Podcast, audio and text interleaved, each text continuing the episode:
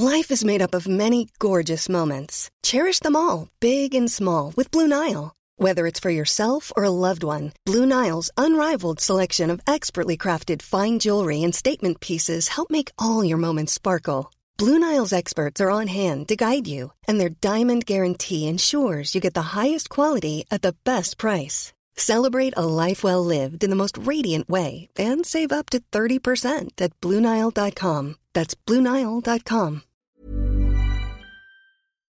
Se for deg at du er svigerdatter i en ny familie, og du kommer hjem til familien og er klar for å levere på alle områder, har kledd deg pent, eh, skal spise alt, ingen allergier. Og så får du beskjed av svigerforeldrene dine eh, kan du gå og hente fotskammelen fra Hongkongen for meg. Da tror jeg enhver svigerdatter ville blitt stående litt sånn forvirret i eh, entreen og lure på hva i alle dager skulle hun gjøre.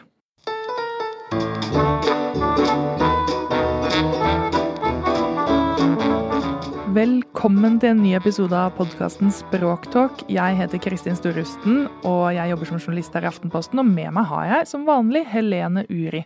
Og Helene, du vet kanskje svaret på denne lille gåten? Ja, det hørtes ut som dette var en eh, demonstrasjon av fenomenet arvede ord. Altså familieinterne ord. Ord og uttrykk og fraser som brukes eh, innad i én familie eller i én slekt og som ikke egentlig forstås av uh, utenforstående. Iallfall ikke alle. Nei, jeg vet ikke. Hva tror du svigerdatteren uh, gjorde her, da? Må jo bare spørre pent, da. Ja, hvis man er, så ville man kanskje sagt unnskyld. Kanskje tatt uh, sin trolovede til siden og spurt hva i alle dager skal jeg gjøre? Og i dette tilfellet her, så, hvor dette vet jeg fordi jeg har lest språkspalten din, Helene, og du skrev om arveord. Og ikke bare har du skrevet om det én gang, du har skrevet om det flere ganger, fordi dette var jo kjempepopulært. Her strømmet det inn eksempler fra leserne, ja, til de grader. Vi fikk jo mange hundre eksempler på arvede ord. Og Hongkong var et av dem, og det ble altså brukt innad i en familie om en kommode. Og greia her var jo at datteren i familien skjønte ikke at dette var et familieinternt ord. Så hun uh, forsto ikke at ikke alle Eh, da skjønte det samme som henne med ordet Hongkong, som da i hennes familie betyr en kommode som var innkjøpt i Hongkong. Derfor ble den kalt det. Men hun trodde dette var et allment ord for kommode. Fotskammel, det er fra min familie. Det var det min bestefar som sa. Født på slutten av 1800-tallet, faktisk. Eh, og det er altså et annet ord for en sånn liten tallerken eller asjett som du legger eh, fiskebein på. Uh, det kaller vi ræltallrik i vår familie. Ja, Men skjønner ja. du hvorfor dette fotskammel, da? For dette forklarte bestefaren min. For han ja. ville, satt jo da egentlig bare og ventet på at noen skulle spørre. Men hvorfor kaller du det fotskammel? Nettopp sånn. sånn. Det hadde bestefaren min satt pris på. Da hadde han satt, uh, sagt ja, det er jo til å ha beina på. ja. Åh, det er noe veldig veldig vakkert med at sånn onkelhumor, eller sånn pappahumor, det endrer seg ikke gjennom tidene. Et godt ordspill vil liksom alltid lede an.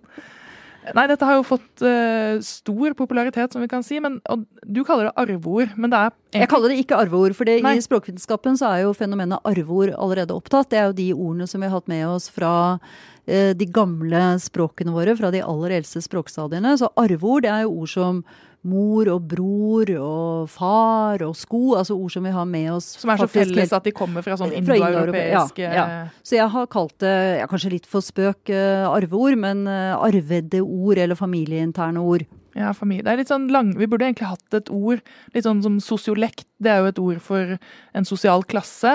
Så kanskje man burde hatt sånn familiolekt. At dette er familieolekt-taleord, eller slektolekt. Slekt og lekt! Flott klang. Slekt og lekt, helt fantastisk. Ja. Vi får se. Hvis noen, kanskje noen har et uh, Altså, man kan jo aldri vite. Kanskje det sitter noen lytter der ute og har et uh, familieinternt ord for familieinterne ord. Send det gjerne inn til spraktips krøllalfa aftenposten.no, for det vil vi gjerne høre.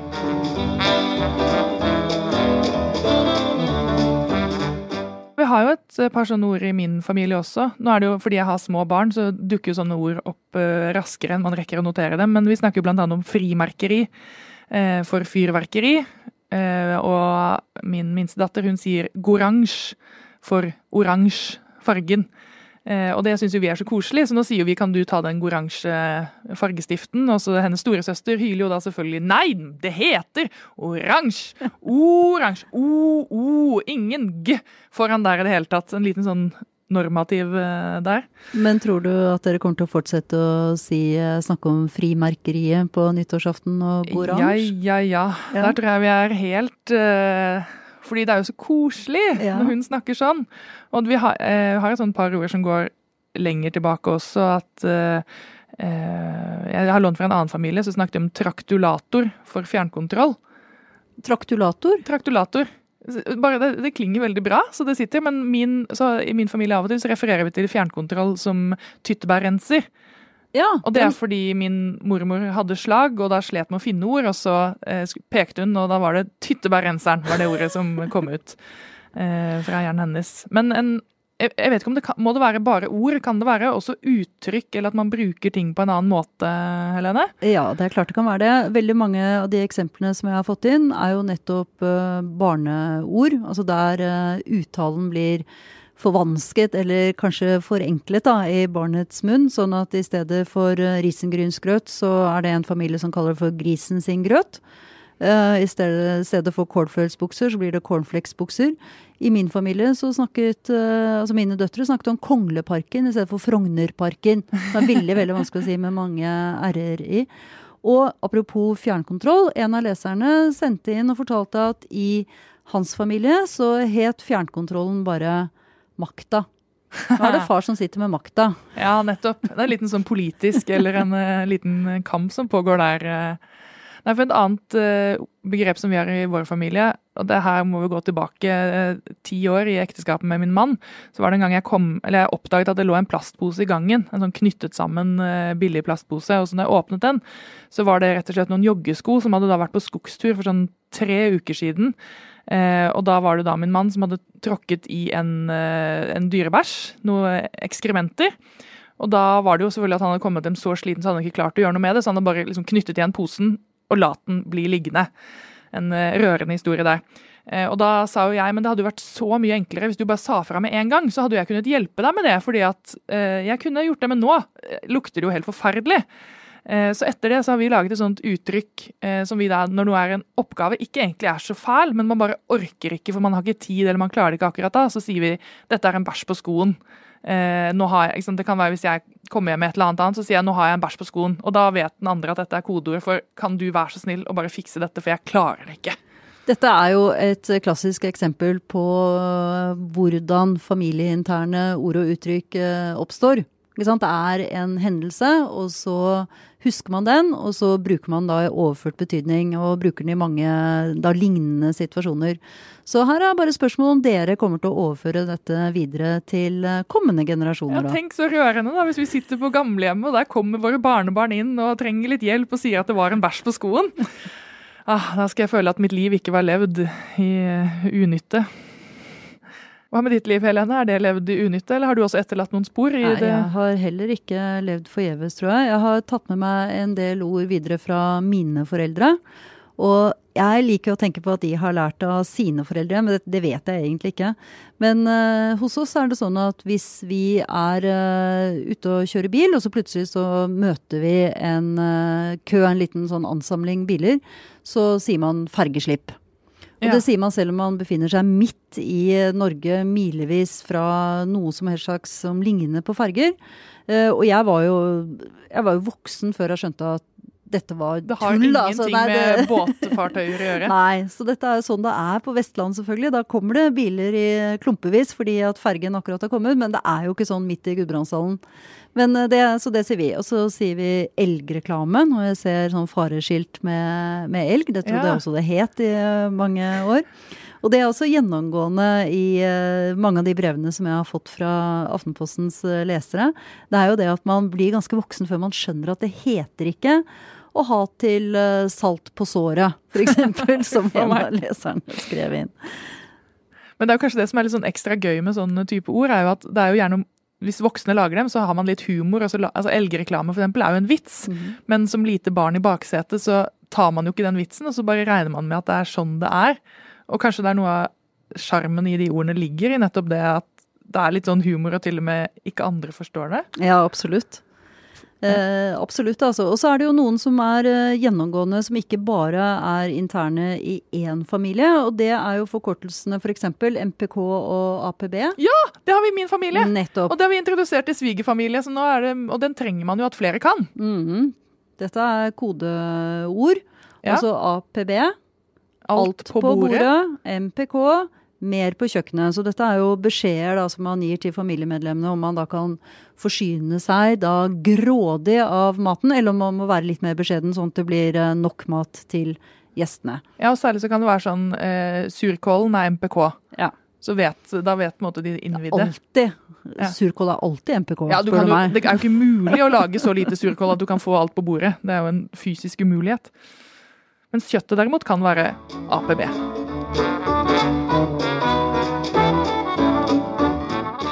Er jo ikke tvil om at altså Vi koser oss jo her i studio, og du har jo fått alle disse e-postene, så dette er jo noe som engasjerer veldig. Hva er, hva er det som gjør at vi syns det er så eh, strålende med disse slekt-og-lekt-ordene? Du insisterer på den Slekt-og-lekt, slekt-og-lekt, slekt-og-lekt. Jeg skal si det helt til eh, eh, tarmen din. det sitter. Ja. Eh, Jeg kan jo begynne med å si hvorfor jeg ble interessert i dette. Og det var eh, da jeg mistet moren min, og da jeg ryddet ut av hennes eh, leilighet og ble veldig opptatt av eh, tingene da, som hun og pappa hadde hatt, og som har vært stått av i mitt barndomshjem. Altså boller og sølvtøy og duker og gjenstander som jeg kanskje ikke hadde brydd meg så mye om, men som da plutselig fikk en eh, stor symbolverdi da jeg plutselig var alene. Og da begynte jeg også å tenke på at det er jo ikke bare sølvtøy vi arver, vi arver jo også verbale vaner, og vi arver ord. Og så ble jeg rett og slett litt rørt over å tenke på at noen av de familieinterne ordene som har vært brukt i min familie, har kanskje da mine foreldre lært av sine foreldre, og kanskje er det enda et ledd eh, lenger bak. Så mm, det var sånn det begynte for meg. Ja, for det kan både være knyttet sånn til personer, eh, sånn som i dette tilfellet, og så kan det også være knyttet til et tidspunkt i noens liv. Sånn som eh, med eh, Når jeg sier da goransje fremover, så kommer jeg til å tenke på en toåring. Mm. hun skal jo en dag bli en høy kvinne som er voksen, og så kommer jeg til å sitte sånn og være sånn Å, da du var liten, så sa du Eller bare hver gang jeg hører det ordet, så minner det meg om den situasjonen. Så det er noe nostalgisk Det ligger nok ganske mye nostalgi i dette, tror jeg. Og det er jo mange som har sendt inn eh, disse navnene på barnetær. ja, Titila, Tåtila, Tilleros, Meglerfrue og Storegubben Hesten, som det heter i min familie. ja, Og der finnes det jo veldig mange varianter Mm. eh, rundt omkring i, i landet. Eh, Så, så jeg tror nok at nostalgi og minner, og det at det er knyttet til personer som kanskje ikke er blant oss lenger, rett og slett eh, er en ganske sterk eh, kraft her. Ja, og der er du også inne på noe, eller det er jo det samme, men det at det er noe relasjonelt med Mm. språkbruken. At man bruker språk for å bli knyttet nærmere til andre, og knytte andre nærmere til seg. Ja da. Og det er jo liksom sånn gangsterspråk, ikke sant? At vi har et crew. Og bare for å snakke Absolutt eh, Gangsterspråk. det samme som slang, for eksempel. At man stenger noen ute og knytter andre da tettere til seg. Og her er det at man te eh, da knytter tettere bånd i familien ved å bruke da egne familieord. hemmelige ord. Men har du et følelse av at man bruker dem på en måte bevisst hemmelig? At sånn nå skal vi holde dette ordet skjult, eller er det bare at det oppstår og dermed blir Jeg tror, jeg tror nok de fleste ikke blir brukt hemmelige. Så mitt inntrykk når jeg har eh, lest alle responsene, alle brevene fra leserne, så er det nok mest at de, de brukes, og så blir de bare ikke forstått av andre. Men så innlemmes da stadig nye medlemmer. Kommer det. Svigerdatteren f.eks. på besøk, og nye generasjoner. Og så lærer man det og blir en del av familien. Sånn at det er en del av eh, det å være et medlem av den familien. Det, det er disse ordene, i tillegg til det at man alltid spiser eh, ja, kylling eh, på, i november, eller at man eh, bretter serviettene på en spesiell måte, eller andre sånne familieinterne vaner som man har. Det er litt koselig. Jeg leste en bok om hytta i fjor, som er skrevet av to sosiologer, og de prøver å innføre ordet eh, å slekte inn. Altså oversette tukin, som er et eh, uttrykk i sosiologien. Da, og det er jo at man kan komme inn i en familie på to måter. Enten ved å bli født inn i den, eller ved å gifte seg inn i den, eller komme inn i den. Og da skjer det en sånn innslektingsprosess. Og de snakker om at på hytta så skjer veldig mye av den. Fordi der, er, der ligger det sånne gamle vaner. Og det er jo det, kanskje det samme vi ser, rett og slett. Verbal innslektingsprosess, rett og slett. Nå fikk du noe som egentlig er ganske morsomt, å høres veldig professoralt uh, ut. det er jobben min. Ja, det er vel litt sånn, For det er jo mye, det var vi inne på i stad også, at i tillegg så handler det om lekenhet. Her er det at mye kreativitet. At mennesker elsker og... å leke med språk, og la, fedre lager dumme vitser. Og... Ja, ja, ja. Og det er jo det alle disse eksemplene vitner om. Det er jo nettopp språkglede. Jeg husker jo mine foreldre stå der med disse to melkekartongene i hendene og spør da vil du ha sut eller sør. Spurte meg da jeg var liten. Ja. ja. i min familie, min stakkars søster, hun kalte det brune vi har på grøten for kannemel. Fordi mm, pappa insisterte på at det het kamel, og mamma insisterte på at det het kanel. Og den stakkars fireåringen tenkte at hun skulle tilfredsstille begge, så kannemel kan vi også snakke om. Men jeg, jeg, er ikke ferdig med høret. Har du flere eksempler å dra opp av hatten? Ja, du, jeg har hundrevis. Men uh, jeg, en kvinne som skrev inn om et særegent ord fra en familie der hun var au pair da hun var ung. For da var hun hjemme i dette huset der hun jobbet, lette etter bilnøkler, fant dem ikke. Ringte til mammaen i familien og spurte. Og så sa da mammaen i familien at du må se i en av skålene på soverommet vårt. Jaha, så leseren vår gikk opp og lette da og så ikke noen skåler i det hele tatt. Det var utrolig rotete, kaotisk soverom, men ingen skåler. Og så ringte hun tilbake til mammaen, og så, så lo moren og sa å ja, nei, men med skål så mener jeg jo da, både hun da og resten av familien, fars bukser. For far tråkket da bare ut av buksene når han gikk og la seg om kvelden. Sånn at de ble liggende igjen som en skål på soveromsgulvet. Og der i en av lommene lå bilnøklene. Ah, dette forteller veldig mye om den familien. ja, det gjør nok det. Og vet du hva beinlykkje er? Beinlykkje eh, Nei, kanskje tenk løping? Natt, tenk god nattstund og barn. Det er når, når man, man, pakker, pakker dyn. godt ja. inn rundt. Ja. Beinlykkje. Men eh, vi må vel pakke, sammen, eh, pakke dynen sammen rundt denne episoden. Selv om det er MPK når det gjelder arvede ord. Her vil det vel alltid være MPK.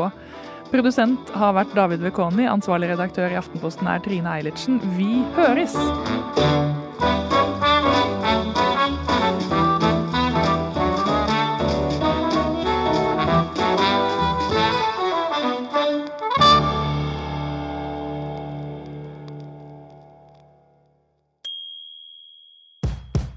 Hei, dette er Jonas fra podkasten Serieprat. Well, Unnskyld at jeg avbryter, og du skal straks få lytte videre, men er du en ekte sofagris som oss?